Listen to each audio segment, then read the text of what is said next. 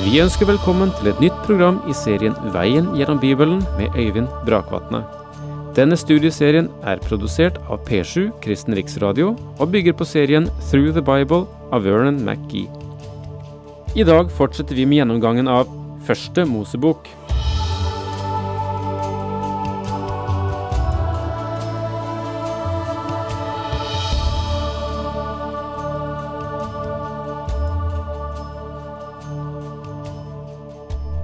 Den første setningen i Bibelen lyder I begynnelsen skapte Gud himmelen og jorden. Dette er en av de mest fundamentale setningene som noensinne er uttalt, og likevel finner vi at dette er et utsagn som sannelig utfordrer oss i den tid vi lever. Jeg tror at dette er faktisk det eneste vers vi har om den aktuelle skapelse, med unntak av, som vi skal se, skapelsen av mennesket og dyrene senere i Første Mosebok. Men dette er skapelseshistorien, og jeg må medgi at den er svært kort. Det er interessant å legge merke til at Gud har gitt oss denne korte, knappe utgaven av skapelseshistorien. Spørsmålet dukker opp hva tenkte han på da han ga oss denne spesielle delen? Hva var forfatterens hensikt her? Var det hans hensikt å lære oss om geologi, for eksempel? Vel, det kan i hvert fall sies at det er en masse argumenter ute og går, og en stor del av uenighet omkring skapelsen. Problemet om opphavet utfordrer til flere hatske debatter, ville teorier og en mer vidtfavnende uenighet enn nesten noe annet tema. Alltid blandes menneskenes hypoteser inn, og som et resultat er det en babelsk forvirring av stemmer som prøver å drukne Guds klare stemme. Det er to ekstreme grupper som har tilslørt dette temaet mer enn andre gjennom sine dogmatiske antagelser og påstander.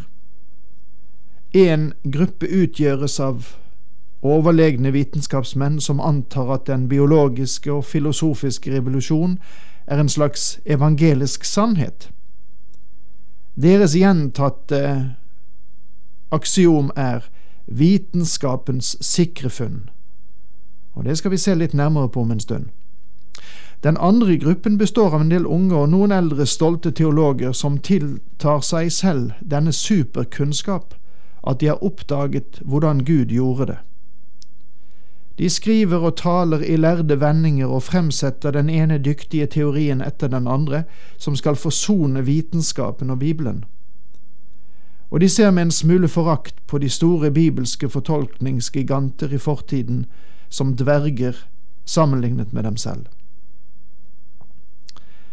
Jeg vil gjerne si at begge disse grupperingene ville gjøre vel i å fundere på en formaning som Herren ga til jobb da han endelig åpenbarte seg for ham. Gud stilte ham dette spørsmålet. Hvor var du da jeg la jordens grunnvoll? Hvis du har innsikt, så fortell meg det. Med andre ord så sier Gud til mennesket, du snakker om universets oppkomst, men du vet ikke engang hvor du var da jeg la jordens grunnvoll. Det er mange teorier om hvordan verden begynte, men alle kan faktisk kokes ned til å passe inn i en tofoldig klassifisering. Den ene er kreasjon, skapelse, og den andre er spekulasjon. Alle teorier faller inn i en av disse to grupperingene. Utviklingsteorien, også kalt evolusjonsteorien, består av mange forskjellige teorier i dag og noen av de mest kjente vitenskapsmenn i fortid så vel som i nåtid benekter evolusjonsteorien. Så vi kan egentlig ikke sette ned denne utviklingsteorien som et slags entydig vitenskapelig utsagn, på samme måte som at to og to er fire. På den annen side har vi skapelsesberetningen i Første Mosebok, som må aksepteres ved tro. Det er meget interessant at Gud har gjort det slik, ved tro er den eneste måten du kan akseptere den på. Legg merke til hva hebreerbrevet sier. Troen gir sikkerhet for det som håpes, visshet om ting en ikke ser. For sin tro fikk mennesker i gammel tid godt vitnesbyrd. I tro forstår vi at verden er skapt ved Guds ord, og at det vi ser, har sitt opphav i det usynlige. Så i dag er problemet egentlig det samme, hvordan komme fra intet til noe. Den eneste måten du kan nå et svar på, er enten ved tro eller ved spekulasjon, og spekulasjon er egentlig svært uvitenskapelig. La oss nå se på noen av teoriene om opprinnelsen. Det er dem som sier til oss at vi skal akseptere vitenskapens svar. Og jeg vil gjerne spørre, hva er vitenskapens svar? Hvilken vitenskap taler vi om? I 1806 sa professor Liel ved Det franske institutt at der da var ikke mindre enn 80 geologiske teorier som avvek fra Skriften. Men ikke én av disse teoriene er holdbare i dag. Han som var Guds redskap til å skrive Første Mosebok, ville nok smilt om han hadde levd i dag over alt bråket som skapelsesberetningen hadde ført til, fordi han ikke skrev den for å gi en vitenskapelig forklaring på hvordan tingene hendte. Paulus forteller oss hva som er Skriftens hensikt og mening.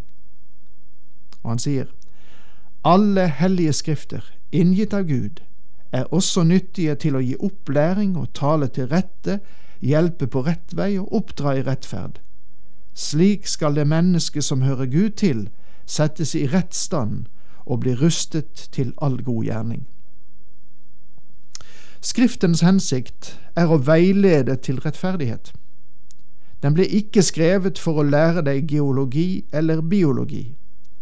Den var skrevet for å vise menneskets forhold til Gud og Guds krav til mennesket og hva mennesket må gjøre for å bli frelst. Og det kan du også skrive over første del av Første Mosebok. Hva skal jeg gjøre for å bli frelst? Kan jeg få spørre deg? Hvis Gud hadde gitt en vitenskapelig forklaring av skapelsen, hvor mange tror du det da på Mosedager ville ha vært som forsto den? Hvor mange mennesker, selv i våre dager, ville ha forstått det? Du må huske på at Bibelen ble ikke skrevet bare for lærde professorer, men også for enkle mennesker i alle aldre og i ethvert land. Om den var blitt skrevet i det vitenskapelige språk på Mosetid, så ville den mest sannsynlig ha blitt avvist. Derfor har mennesker foreslått flere løsninger til universets opphav. En er at det er en illusjon. Vel, jeg synes at fakta taler mot det, ikke sant? Og likevel er det mennesker som holder fast ved den teorien. Det er andre som tror at verden kom til spontant ut av intet. På en måte er det det Bibelen sier, selv om den går videre og sier at Gud talte, og det ble, han skapte den. Et annet synspunkt er at det egentlig ikke har noen opprinnelse, men har eksistert evig. Og et fjerde synspunkt er at den ble skapt, og dette synspunktet brytes da ned i flere forskjellige teorier som mennesker holder fast på i et forsøk på å forklare universets omkomst. Jeg vil ikke trette dere med altfor mange teorier som har sett dagens lys og forsvunnet igjen, og nye har kommet. Nesten alle forskningsgrener har sine teorier om oppkomsten. Biologene har sine, astronomene har sine, geneforskerne sine, osv. Evolusjonsteorien er delt opp i mange forskjellige faser og synspunkter. Den har aldri blitt demonstrert som sann.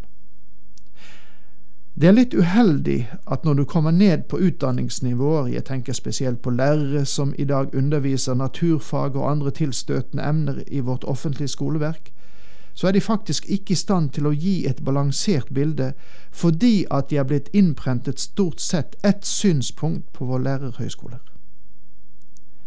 Det er ikke sant at evolusjonsteorien aksepteres av samtlige vitenskapsmenn. La meg som et siste eksempel ta med et sitat av den svenske botanikeren dr. Herbert Nilsson, som også var evolusjonist. Han skriver slik.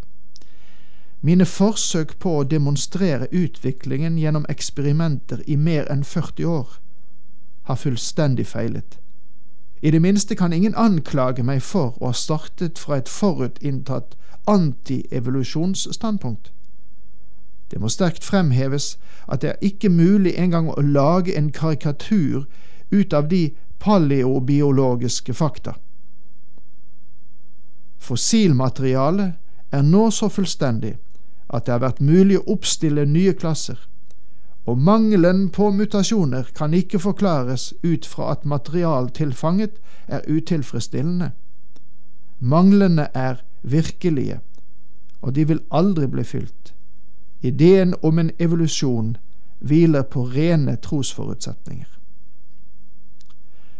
Får jeg i all enkelhet si til dere at her beveger vi oss inn på religionens område. For å være en evolusjonist, min venn, så må du gripe til troen. Evolusjon er spekulasjon, selv sett med en del vitenskapsmenns øyne. Det synes fremdeles å harmonere bedre både med vett og forstand å lese disse ordene. I begynnelsen skapte Gud himmelen og jorden. Hvem skapte universet? Det gjorde Gud. Han skapte det ut av intet. Når? Ja, det vet jeg ikke, og ingen annen vet det heller. Noen sier for en milliard år siden, noen legger på til to milliarder, og noen til og med fem milliarder år. Personlig tror jeg at de bommer alle sammen. Jeg tror at universet var skapt lenge før det. Kjære lyttere, vi må ikke glemme at Gud har evigheten bak seg. Hva tror du han har holdt på med gjennom alle de milliarder av år som fortiden rommer? Har han ventet på at du og jeg skulle komme frem på verdensarenaen? Nei, han har vært aktiv. Han har kunnet arbeide med denne skapelsen lang, lang tid, og faktisk så har han ikke fortalt oss så svært mye, har han vel? Det er sannelig litt overmodig av oss små mennesker her nede på jorden å påstå at vi vet mer enn vi egentlig gjør. Det er mer passende for oss å bare akseptere dette majestetiske utsagnet som åpner Guds ord. I begynnelsen skapte Gud himmelen og jorden. Og la oss med salmisten fundere over Hans himmel, et verk av Hans fingre, månen og stjernene som Han har satt der og innse at himmelen forkynner Guds herlighet, hvelvingen forteller om Hans henders verk. Apostelen Paulus skrev til romerne, For Hans usynlige vesen, både Hans evige kraft og Hans guddommelighet, har menneskene helt fra skapelsen av kunnet se og erkjenne av Hans gjerninger. Derfor har de ingen unnskyldninger. Og forfatteren av Hebreabrevet sier, I tro forstår vi at verden er skapt ved Guds ord, og at det vi ser, har sitt opphav i det usynlige.